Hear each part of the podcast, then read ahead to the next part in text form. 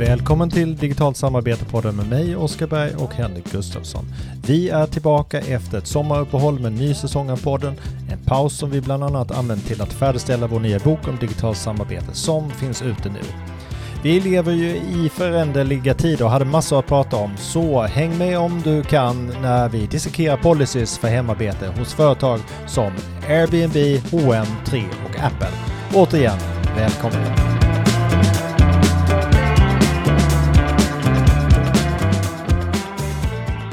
God eh, dag Oskar. Ja, god dag Henrik. Det var ett tag sedan. Ja, poddmässigt. Mm. Eh, vi har ju hört lite förstås. Det har vi faktiskt. Po- po- podden eh, har, har ju legat lite i träda eh, för att vi har gjort andra, andra saker. Ja, men vi hade ju faktiskt en plan när vi började podden för ett år sedan och då var ju att ta fram underlag till en bok bland annat. Yes. Eh, och det blev ju 25 avsnitt, tror jag, Mm. ganska exakt, eh, där vi pratar med oss själva, pratar med varandra och Pratar eh, med oss. för oss själva. Med, med varandra. Ja, med varandra. Eh, kanske för någon annan också. Ja. Och vi hade ju faktiskt några forskare med i väldigt intressanta, trevliga samtal, tycker jag. Och nu har vi tagit det här. Tanken var att vi, det här skulle hjälpa oss att driva fram innehåll till den här boken. Och nu har vi ju faktiskt en bok på G, eller hur? Och inte bara på G, vi har Nej, den är, släppt den, När eller? det här är ute så är den ute, vågar vi påstå. Bra. Så att eh, ett år senare så har vi faktiskt kommit i mål och det är eh, i alla fall jag väldigt glad och stolt över och det har varit en otroligt intressant process Mm. att kunna prata om de här aktuella ämnena och fånga upp det som hände lite under, under året som var, kommentera det och även få kommentarer från de som lyssnar på podden. Exakt. Så vi, så vi fick ett bidrag i själva processen att ta fram det innehållet. Man har fått en temperaturgivare också på vilka ämnen som varit intressanta och eh, vilka liksom frågeställningar som varit eh, intressanta. Så att det är en helt annan process än det normalt sett är när man skriver en bok, när man kanske är mer introvert och mer jobbar mot böcker och källor. Jag menar, man kanske har en närmare krets som man studsar saker med, men inte bara rakt ut Mm. eh, så som vi har gjort. Man ser ju att det hänt å ena sidan jättemycket under det här året. Det finns så många eh, verksamheter som verkligen har tänkt om och tagit till sig det nya och utforskat nya arbetssätt och så här.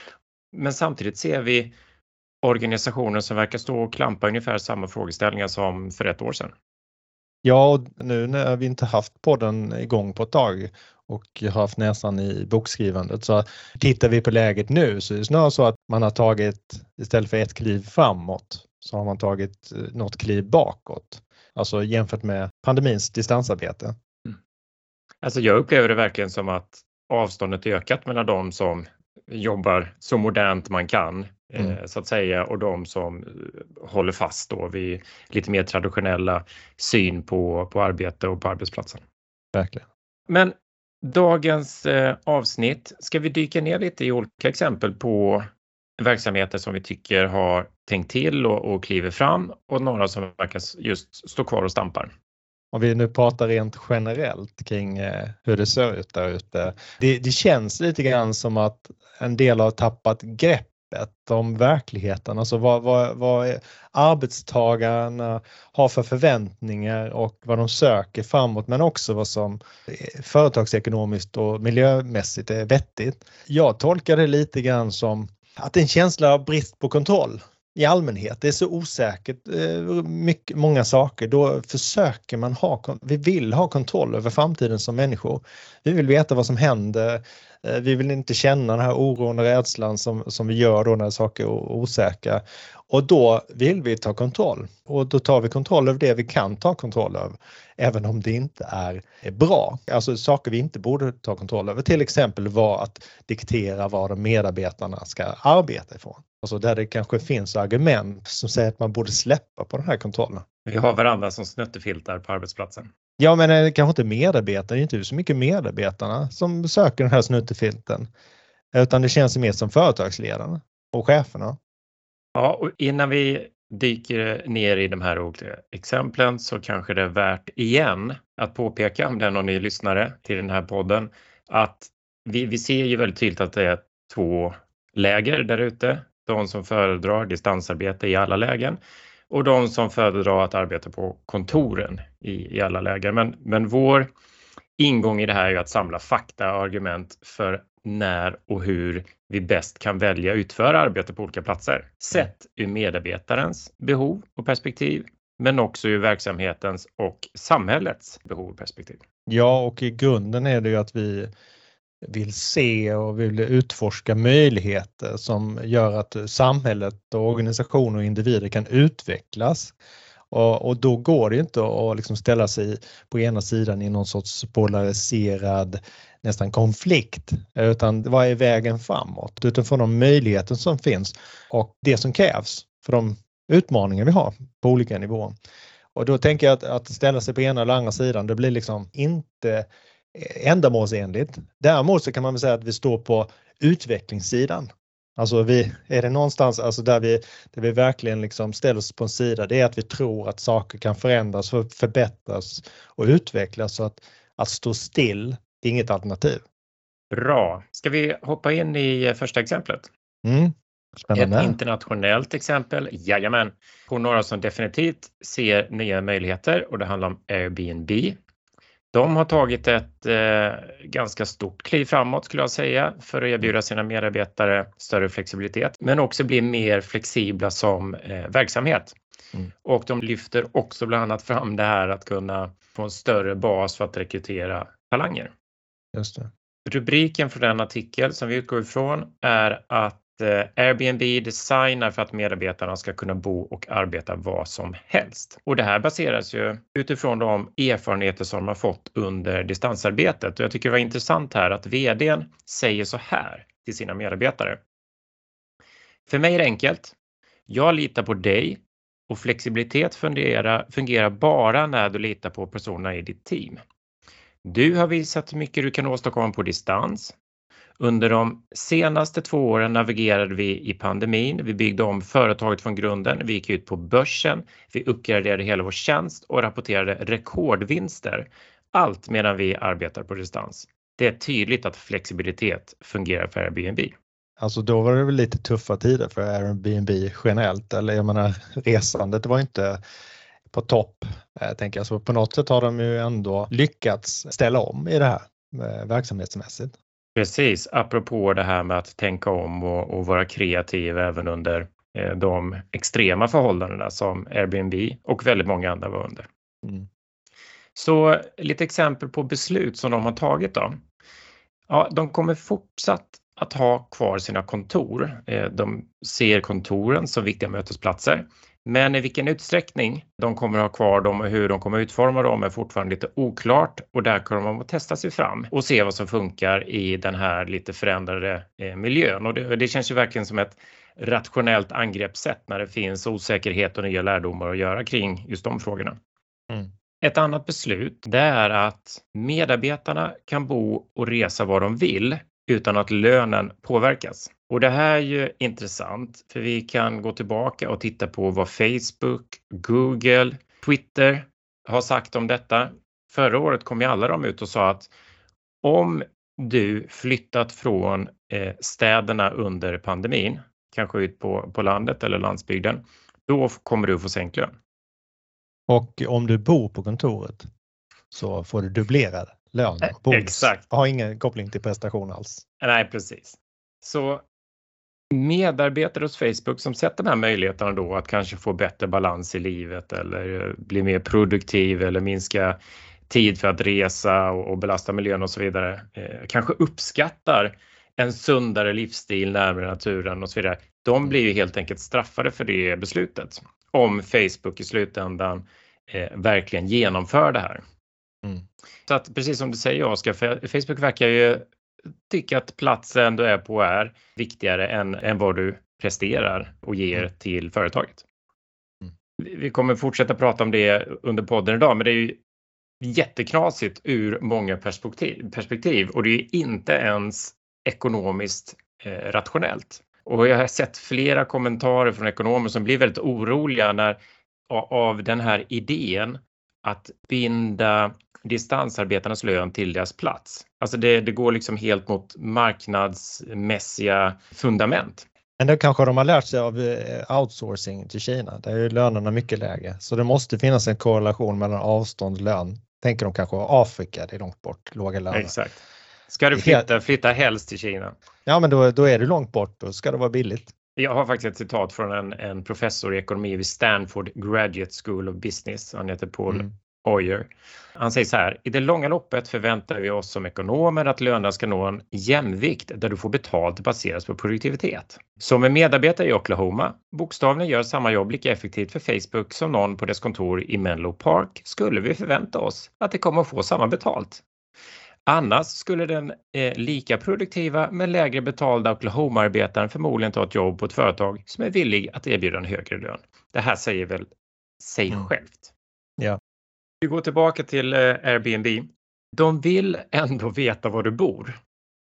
Eh, de, behöver, ja, de behöver en hemmaadress. Du får gärna flytta runt men vi måste liksom kunna skicka viktiga papper till dig. Vi måste förstå vad det är för skatt som gäller och, och så vidare. Så att, och, och även en, att det finns en förutsägbarhet kring tidszon när man är ett globalt företag så att det blir tydligare vad man kan förvänta sig när arbetet sker. Helt rimligt. Det är väl framförallt skattemässigt antar jag också att man har en skattehemvist. Eh.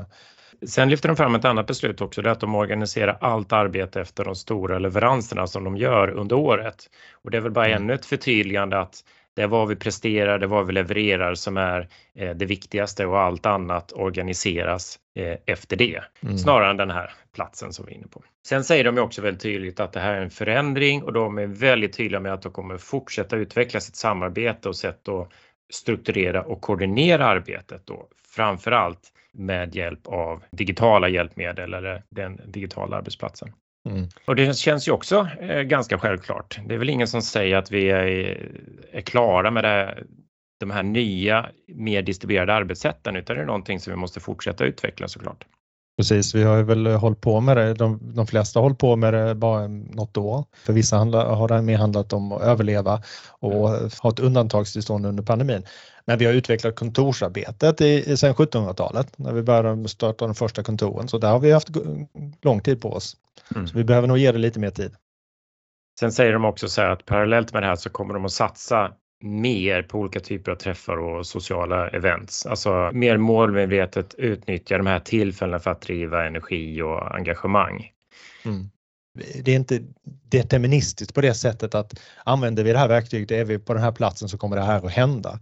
Utan det är vad vi gör, hur vi agerar, hur vi beter oss mot varandra och det kan man ju också designa. Man kan skapa miljö, man kan skapa som de här events och så här, som är som får folk att bete sig på ett visst sätt. Då. Så det, det, kan ju innebära att det blir mycket bättre möten när man har färre möten och verkligen liksom tänker till. Ja. Med det här exemplet så kan vi titta på några andra exempel och då ska mm. vi gå in på svenska Eh, exempel med internationell koppling och det kan ju vara ganska intressant. Vi såg ju bland annat att eh, vår svenska klädjätte H&M presenterade en ny policy för bolagets kontorsanställda som säger att från och med 1 december så ska tjänstemännen vara på kontoret minst fyra dagar i veckan i snitt. Eh, kommer och kommer, de är ju, man kräver att de måste vara på kontoret fyra mm. dagar i veckan i snitt. Och det här har ju fått väldigt många medarbetare, tusentals enligt eh, artiklar som vi har sett, att skriva på eh, protestlistor. Och eh, fackklubben ska också ha nya samtal med ledningen kring detta. Sen har inte jag riktigt sett fler artiklar. Jag vet inte riktigt hur det har gått, men om man lyssnar på H&M's ledning och vilka argument de har så säger de att det är viktigt att vi träffas i större utsträckning fysiskt på arbetsplatsen för att främja gemenskap och kreativitet. Ja, och det, sen utvecklar man inte det. Eh, ställ det då mot Airbnb som liksom berättar berättar öppet och resonerar hur man tänker och varför man gör på det här sättet och hur man ska göra framåt. Här är det bara ett konstaterande. Och sen punkt. Vi har återkommit till det här med kontrollbehov. Jag tror inte det är en tillfällighet att företag som H&M försöker få tillbaka alla till kontoren medan då Spotify till exempel är i den helt motsatta ändan av spektrat.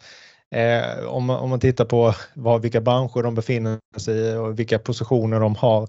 Det är ett sätt att känna att man stärker kontrollen när man har eller är på väg att tappa den på andra plan. Jag tänker då på ja, självklart förändringar i detaljhandel med digitalisering och e-handel och butiksstöden som slår mot de här traditionella kedjorna ja, pandemin där de fick stänga ner butiker under en tid. Nedstängningen av verksamheten i Ryssland med hundratals butiker. Jag kollade upp det där 168 då för att vara exakt enligt Wikipedia.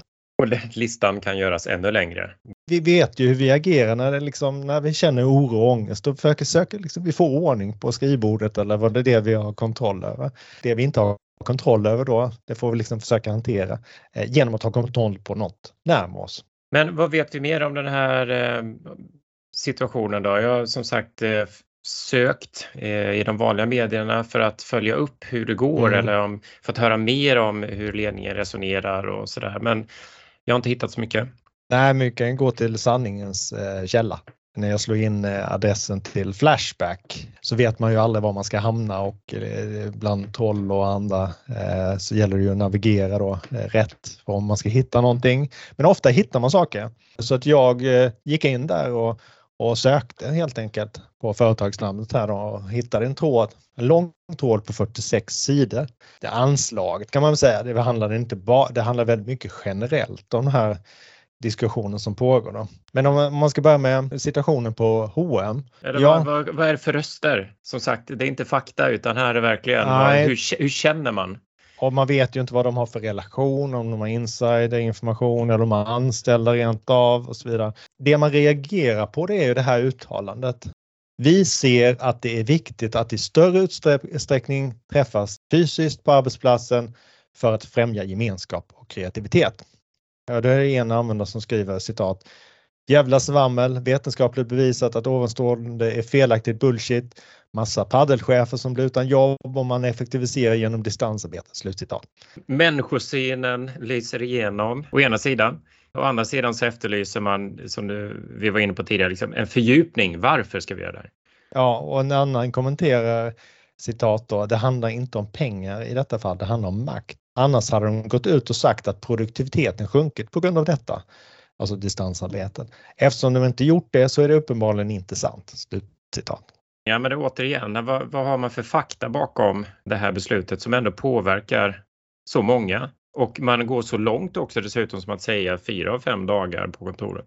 I snitt, hur räknar man ut det där? Det där tycker jag är intressant. Det gäller ju att ha en avancerad modell där man tar bort sjukfrånvaro och resor och sådär. Så bara där tror jag det faller med sin liksom orimlighet. Hur följer man upp det här? Men jag hittar några som verkar ha insyn i H&M då. Att det är den som skriver att citat H&M byggde nyligen om sitt kontor eh, som anpassades efter de nya citat ways of working. Det vill säga man bokar sin plats innan man kommer för det finns inte platser för alla. Var fan ska man sitta nu när man har krympt kontoret? Den nya policyn finns endast för att kontrollera och inget som kan backas upp av studier eller mätningar. Det är därför folk blir irriterade. Slutcitat. Mm. Ja, men det, ja precis. Och det är, om vi då tittar på eh, rapporter och studier, där ser vi ju tydligt att väldigt många medarbetare uppskattar den ökade produktiviteten, eh, balansen i, i vardagen med mera som har kommit fram. Och då vill man ju väldigt gärna veta varför jag ska uppoffra mig på det här viset för att komma in till kontoret när jag kanske ändå bara sitter med, med mejl och möten på plats. Så att jag, jag kan förstå frustrationen.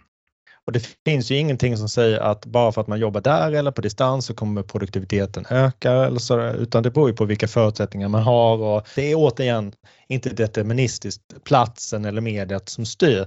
Däremot kan vi säga att när vi tittar på undersökningar så är, och de sammanvägda undersökningar av distansarbetet under pandemin så har visade på en uppgång i produktiviteten. Absolut. Tack för att du förtydligar. Vi har ju ägnat lite avsnitt tidigare just att dyka ner kring produktivitetsfrågan. Ja, vi behöver inte dyka djupare. Vi kan lämna H&M här. Jag tycker det är intressant med de här generella kommentarerna och hur mycket, i alla fall här i det här forumet, förakt det finns mot tjänstemän. Det kan också spegla det här liksom klyftan vi har mellan, och som vi haft innan också, mellan kontorsarbetare och fältarbetare, industriarbetare, sjukvård och så vidare. Det genomgående här i de negativa kommentarerna kring distansarbete är att man ser det som ett sätt att undslippa jobb och att om man inte blir kontrollerad så jobbar man inte. Jag tycker det säger mer om vad man har för inställning till sitt jobb än något annat. Då. Eh, jag kan ta ett citat. Det är dags att dessa tjänstemän gör skäl för sin lön och är på jobbet på sin arbetstid, precis som alla andra. Ja, det är en del roliga formuleringar även om de är väldigt eh, eh, krassa. Då.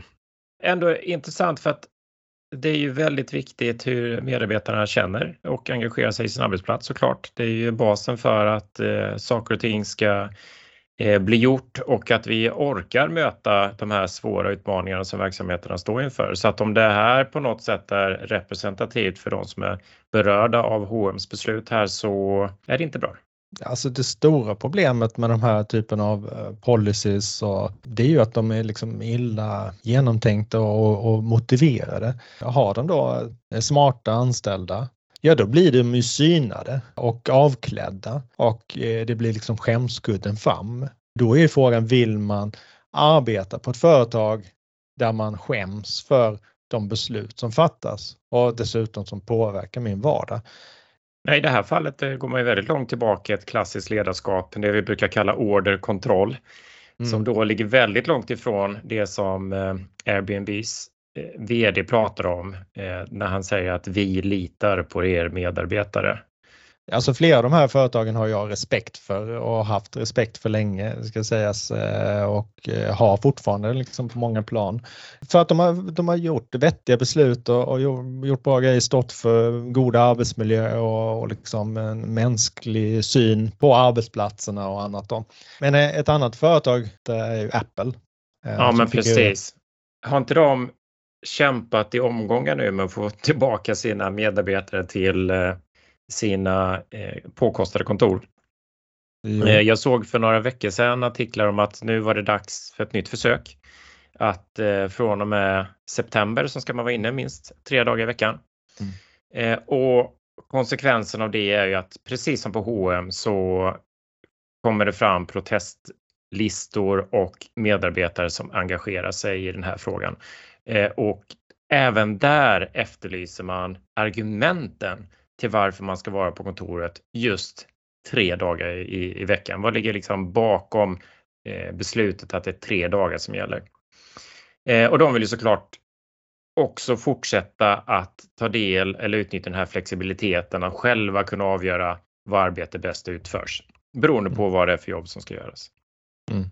De har ju backat Apple de har insett att de, de kan inte köra över medarbetarna på det här sättet utan de måste ha en mer öppen utforskande inställning. Ja, och det som har kommit ut också i artiklar det är att man säger att det här är en policy för alla, men i själva verket så finns det jättemycket undantag för medarbetare som man då är rädd att förlora på grund av det här beslutet. Så att då känner man att det inte, det inte finns ingen jämlikhet i det. Och då tror man att det inte ska läcka ut? Man kan inte hålla på någon hemlighet om någon ny produkt. Om det är så att det finns en ojämlikhet och orättvisa eller vad man ska säga, ja men då kommer det naturligtvis komma ut och det blir mer skadligt för det skadar liksom all, allas förtroende. Det här liksom visar på att vissa är väldigt bra och kan vara liksom väldigt eh, framgångsrika ledare inom viss spelplan. De känner spelreglerna och ramarna men så snart spelreglerna och ramarna förändras så upphör de att tänka rationellt. För de fortsätter agera som om de spelar i den här gamla verkligheten. Alltså många av de här besluten som fattas nu baseras på teorier och saker som gällde för 30 eller 50 eller 70 år sedan men som inte gäller längre. Ja, det är fascinerande. Det här är ju väldigt kloka eh, och smarta människor som leder dessa företag men som man då kan uppfatta som både verklighetsfrånvända och oempatiska när det gäller den nya verklighet som deras medarbetare möter och, och börjar vänja sig i och förstå potentialen i. Vad är ekonomi? Det handlar om att hushålla och använda resurser på bästa möjliga sätt, få bästa möjliga output från dem. Om man börjar titta på det här i kast med distansarbete och distribuerade organisationer så ser man ju då att vi kan använda resurser, alltså tillgängliga resurser över hela världen. Vi behöver inte ens äga dem själva för att kunna använda dem. Om man inte ser den sidan av distansarbetet, möjligheten att få tillgång till kompetens oavsett var den befinner sig i världen. Eh, för mig är det obegripligt. Och sen så kommer, tillkommer alla de här liksom slöserierna som en ekonom borde reagera på. Restider, ställtider, väntan, kostnad för lokaler. Ska vi ta ett exempel till? Mm. Företaget 3, Telekom, eh, mobilföretaget 3. Det var en artikel i eh, Dagens Industri där vi såg det först, eh, där deras VD säger att vår kultur är att arbeta tillsammans, det vill säga underförstått att man inte kan arbeta tillsammans om man inte befinner sig på samma plats och på ett kontor. Varje gång jag hör något sånt så är det oftast från huvudkontoret. Det är organisationer där det finns massa olika kontor och butiker och så vidare där verksamheten oftast är geografiskt utspridd. Det får mig att tänka, ja men hur fungerar då samarbetet med de som inte kan vara på samma plats? Då funkar ju det dåligt. Då. Ja, man får inte riktigt ihop det då för citatet här från vdn fortsätter att träffas i verkliga livet, samarbeta och få energi är kärnan i vår kultur. Det blir lite motsägelsefullt då när när det här företaget, liksom de flesta andra eh, företag över en, en viss storlek, är distribuerade och har mm. varit det i, i, under pandemin och redan innan pandemin. Ja. Jag har jobbat på tre en gång i tiden när det var en mm. modig startup och nyfiken uppstickare och då var man inte rädd för att ifrågasätta gamla sanningar och, och testa nytt. Jag kommer att tänka på, vi, vi tog fram en mognadsmodell för hybridarbete i våras i samband med att vi, vi gjorde lite utbildningar kring hybridarbete och vi har mm. fortsatt använda den modellen nu under hösten här och få in flera organisationer i den och det är väl ungefär 80 stycken som har sagt var de ligger någonstans när det gäller ledarskap, kultur, arbetsvillkor, arbetssätt och även hur långt man kommit i arbetet med sin digitala och fysiska arbetsplats. Så att mm. vi, vi har tagit lite tempen på hur det ligger till i Sverige. Då. Ja. Om man då skulle jämföra de här uttalandena från tre och det vi har läst i artiklarna så skulle de ju på en av frågorna kring kultur verkligen hamna på det passiva. Den, den mm. lägsta nivån av fyra i modellen. Mm. Eh, och vi beskriver den nivån med kulturen byggs på kontoret och det är där man förväntas befinna sig. Distansarbete värderas lägre och ses som ett sätt att komma undan arbete och ansvar.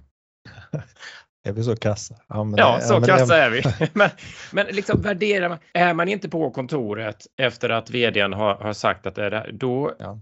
är man, man inte lika viktig, man ställer inte upp för företaget på samma sätt och det, man, man kommer inte vara med i, eh, i gänget så som jag själv hade betett mig i den situationen så tror jag att andra beter sig.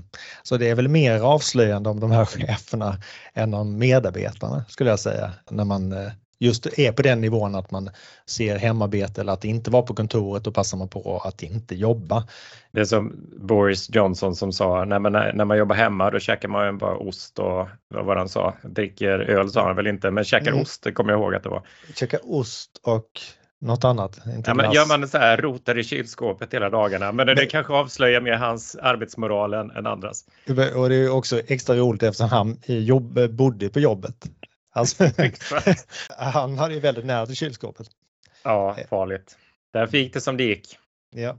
Men åter till tre här då. Ja, men precis. De har väl kanske företaget har väl utvecklats från den här startupen med allt det innebär till att kanske bli mer förvaltande och mindre utvecklande nu för tiden. Det tror jag det ligger något i det. Det är ju den här typiska kulturförändringen som, som vi resonerar kring i boken eh, och när vi beskriver ett företags, typiskt företags livscykel från då startup till uppbyggnad, expansion och, och slutligen gå in i en mognadsfas. Då. Kanske inte slutligen för den kan ju sluta med oftast att man, man upphör som verksamhet eh, om man inte återuppfinner sig själv. Vi använder ett fiktivt exempel för att beskriva det. Bara vad, vad, är det som egentligen händer? Varför händer det här? Och det finns rationella förklaringar till, eh, till det. Då. Jag snubblade över en artikel eh, på Medium eh, om tre. Där hävdas det att 4% av IT-anställda på tre har sagt upp sig som en reaktion på den här policyn. De säger att de konkurrerar med företag som Spotify, Klarna om medarbetare. Och i den här artikeln frågas det naturligtvis, eller blogginlägget, eh, om om har de verkligen möjlighet att göra det med den inställning till distansarbete och brist på tillit som man kan utläsa finns på tre. Jag blir liksom nyfiken när jag, när jag läser sånt där så jag bestämde mig för att kolla upp då.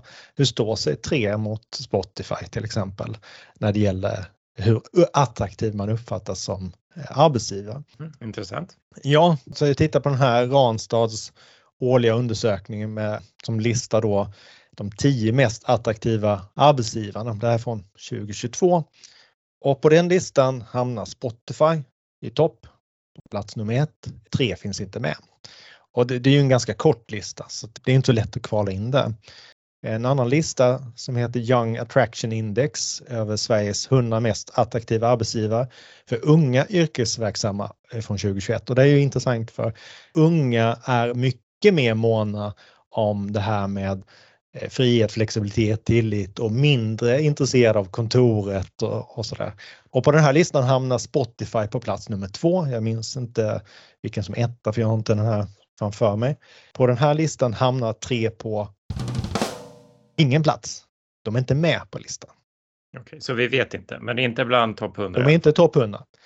Men då kan man ju börja, då börjar jag titta, okej okay då, jag vet ju vilka de konkurrerar med rent eh, verksamhetsmässigt eh, som Telia och Tele2. Finns de på den här listan? Ja, då finns Telia på plats 86 och Tele2 på plats 90. Så då tänker jag att ja, man kanske ska börja med att jämföra sig med de som är liksom närmsta konkurrenten och i alla fall slå dem på fingrarna. För mig vittnar det här om en brist på eh, självdistans och självinsikt vad man är för företag. Under de premisserna man har nu där man liksom tvingar in folk till ett kontor som inte ligger centralt i Stockholm på Spotify-adress om man säger så. Det var någon på LinkedIn som delade en artikel från Dagens Industri alldeles nyligen om distansarbetets och kontorets roll efter pandemin. Eh, rubriken på artikeln lyder Kontoret en laddstation. Det jag reagerade på där dock var underrubriken och man vet ju aldrig om det är alltså, liksom tidningen som tagit den eller fabricerat men det är ändå ett citat där det står citat då. Det är omöjligt att utvecklas i takt med omvärlden från en pall i köket. Slutcitat. Jag satt, Slagkraftigt citat på, jag, kan man tycka. Jag satt på en pall i köket då när jag läste detta. Eller på en stol i alla fall. Visst är platsen viktig, men på något sätt att man inte kan utvecklas i takt med omvärlden utan att vara på ett kontor. Det... För när du läste det så satt du just omvärldsbevakade? Ja, och hade en diskussion med LinkedIn med personer jag aldrig skulle träffa annars. Det, liksom, det var så motsägelsefullt i den situationen där och då. Eh, för omvärlden är väl inte bara de som är närmast mig på kontoret. Jo, det är de som sitter på pallar i kontorsköket. Just det, det glömde jag. Som sagt, jag reagerade på det här citatet så jag var tvungen att, att kommentera. Vi känner ju dig. Ja, det är liksom med kliet. Mina frågor blir då, är det, liksom, är det verkligen omöjligt att utvecklas i takt med omvärlden från en pall i köket? Eh, att är det verkligen platsen som avgör? Är det inte vilka man interagerar med? Och så tog jag upp det här just då att jag interagerar med hela världen från min pall i köket som nu där jag sitter. Och då var det någon som svarade ja delvis men mötet eh, fysiskt eh, bidrar med något mer. Tack och lov la de till vanligen. Det är ju det vi vill ha. Vi behöver det här, det beror på. Eller hur? Och då svarade jag också med ett sånt där det beror på. Ja, så kan det vara. Eh, precis som en digital interaktion kan bidra med något mer, såsom möjligheten att träffa, utbyta idéer och tankar med personer man aldrig annars skulle träffa, som den här personen då på LinkedIn. Men jag reagerar som sagt på de här kategoriska uttalandena som kommer hela tiden. Media och liksom platsen har en roll att spela, men det är ju hur vi använder dem och hur de är utformade som är det viktiga. Återigen, det beror på. Ja, man längtar inte tillbaka till arbetsplatsen vars eh, kultur trycker ner en, eh, inte får den att växa, där ingen lyssnar på ens idéer eller det man har att komma med eller att man ens är synlig eller får något erkännande och så vidare. Och så vidare. Mm. Eh, sen kan det ju vara tvärtom på en mm. fysisk mm. arbetsplats. Man kan bli och få otroligt mycket energi och bli lyft och, och sedd och hörd och kunna bidra med fantastiska saker. Det beror ja. på. Och detsamma gäller ju digitalt. Man kan bli nedtryckt, mobbad och trollad och allt möjligt. Men man kan också ha fantastiska utbyten med personer som, eh, som liksom man aldrig skulle träffat och, och, och få perspektiv och, och, och, erfarenheter som, som är helt otroliga. Och, och pratar vi om mångfald, vilken mångfald vi har tillgång till om vi bara är på rätt plattformar digitalt jämfört med om vi samlas, samlas på samma plats. Ja, och det är inte bara att interagera med personer utanför verksamheten utan vi tar ju upp den klassiska Allen Curve och eh, Allens slutsatser i vår bok. Det handlar ju väldigt mycket om att skapa möjlighet till möten inom verksamheten också. För uppenbarligen är det så att när vi befinner oss på kontoret så interagerar vi i princip bara med de som befinner sig fysiskt just runt omkring oss. Och de vi känner. Så, ja. så att det liksom blir den här echo chamber och groupthink och så. Här. Det är inte så att vi naturligt bara springer iväg till en annan våning och börjar prata med någon som, som vi inte känner. Alltså inte nu pratar vi den genomsnittliga medarbetaren. Det finns ju de som är sådana och de är nog de andra medarbetarna extremt rädda för. Den här personen som kommer in. Exakt. Främling, främlingen som kommer in och börjar prata med en. Den, det är ja. ofta en, det signalerar någon typ av galenskap. men, men blev det någon, liksom, vad tog den här diskussionen vägen då?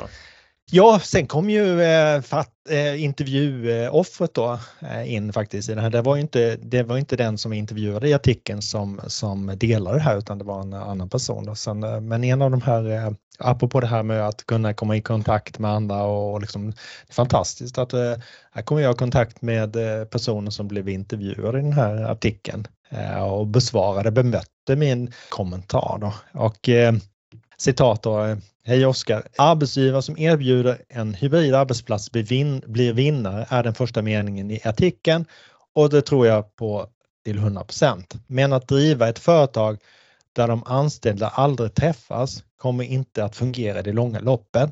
Eh, kulturen i företaget är A och O och den kan aldrig skapas genom 100% skärmtid. Det kan fungera som ett komplement. Jag håller med om väldigt mycket i det här. Men just angående det här påståendet att kulturen aldrig kan skapas genom 100% skärmtid. Det är ju rent av felaktigt. Det finns ju jättegott om kulturer som är helt digitala. I spelvärlden, i ungdomar, alltså kultur är inte någonting som, som är objekt eller någonting som finns i en lokal. Även om det kan spegla liksom vad vi tycker och tänker och, har för synsätt på saker och ting. Utan kultur, i alla fall enligt eh, oss då och enligt många andra, det är ju det som byggs upp, de attityder, beteenden, synsätt, värderingar som byggs upp när vi interagerar med varandra. Och det kan ju ske digitalt, precis som mm. fysiskt. Ja, och vi ser ju som du är inne på många exempel på det också och där jobbar man, ju mer distribuerat man jobbar desto duktigare måste man vara på att beskriva sin kultur och dokumentera den. Och det medför också att den kanske då är tydligare än i verksamheter som inte är så distribuerade för där glömmer man bort det eller man, man, man tror inte det behövs på samma sätt.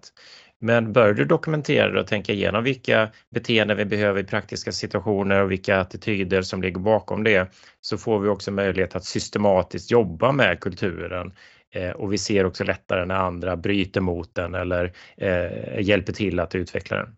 Du kan också förmedla den och sprida den på ett annat sätt eh, digitalt för där finns ju inte de här fysiska begränsningarna. För om man får möjligheten att digitalt interagera mer med andra på andra platser i kombination med att kulturen är bättre beskriven. Du kan få en en kultur eller mer eller mindre, alltså du kommer alltid ha subkultur i någon mening. Du kan skapa en kultur som är enhetligare och mer gemensam över geografiska avstånd och över organisatoriska gränser, vilket inte är fallet. Du kan inte gå in i en enda organisation idag och säga detta är vår kultur.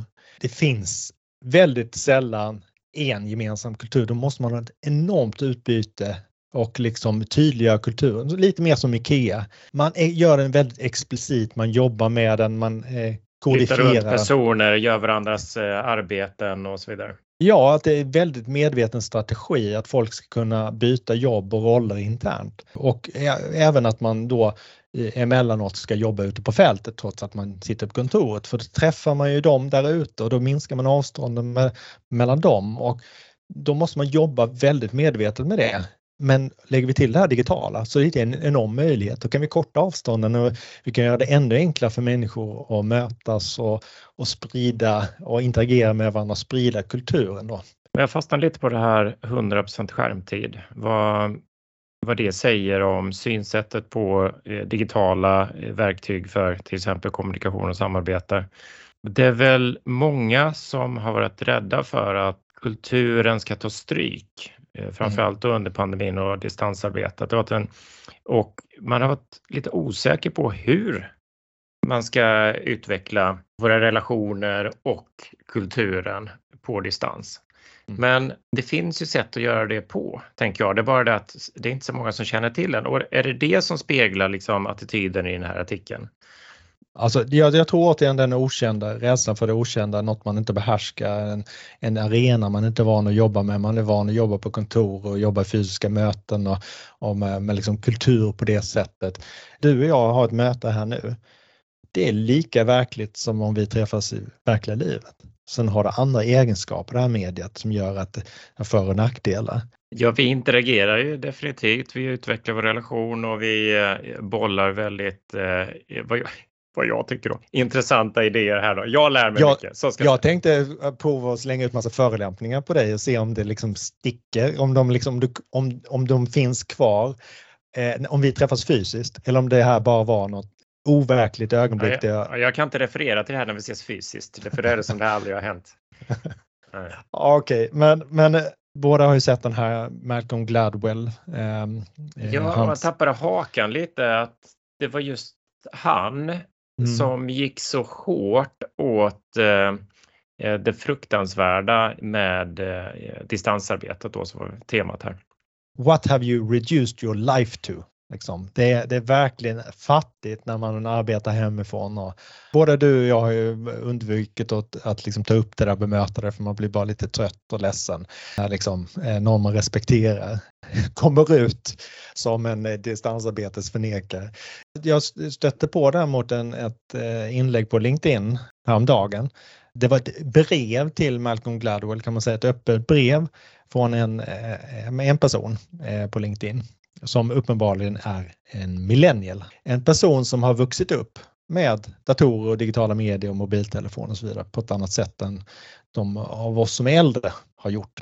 Och jag tänkte läsa det som en avslutning.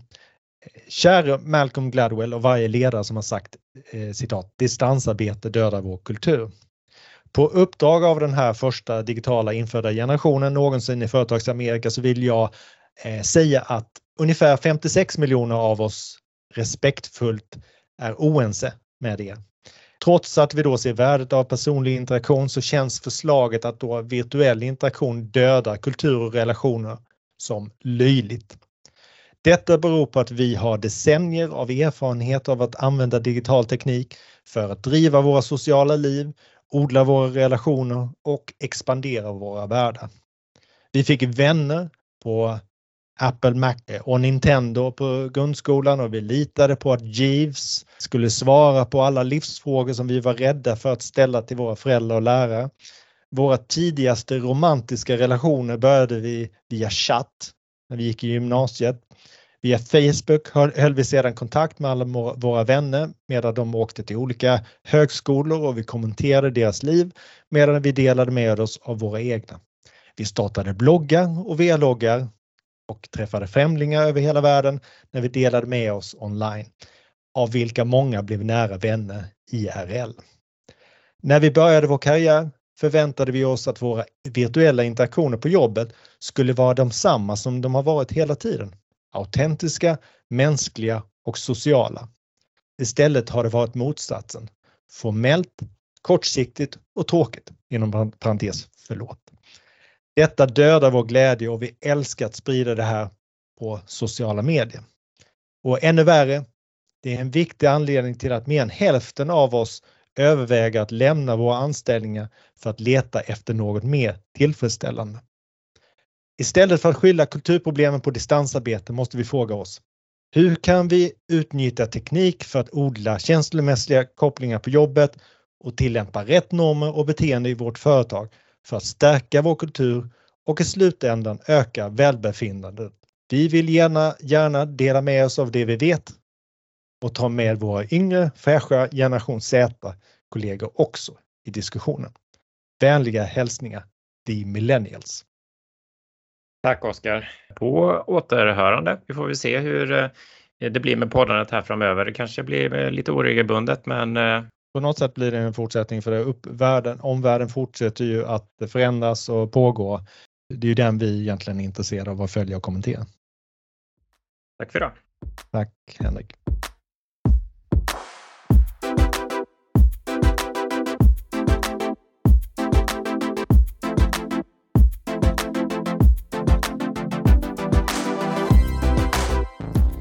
Ja, som du precis hörde så har vi kanske ingen riktigt direkt plan för podden framåt, men vi kommer nog återkomma med eh, intressanta reflektioner och observationer och lite annat eh, under hösten.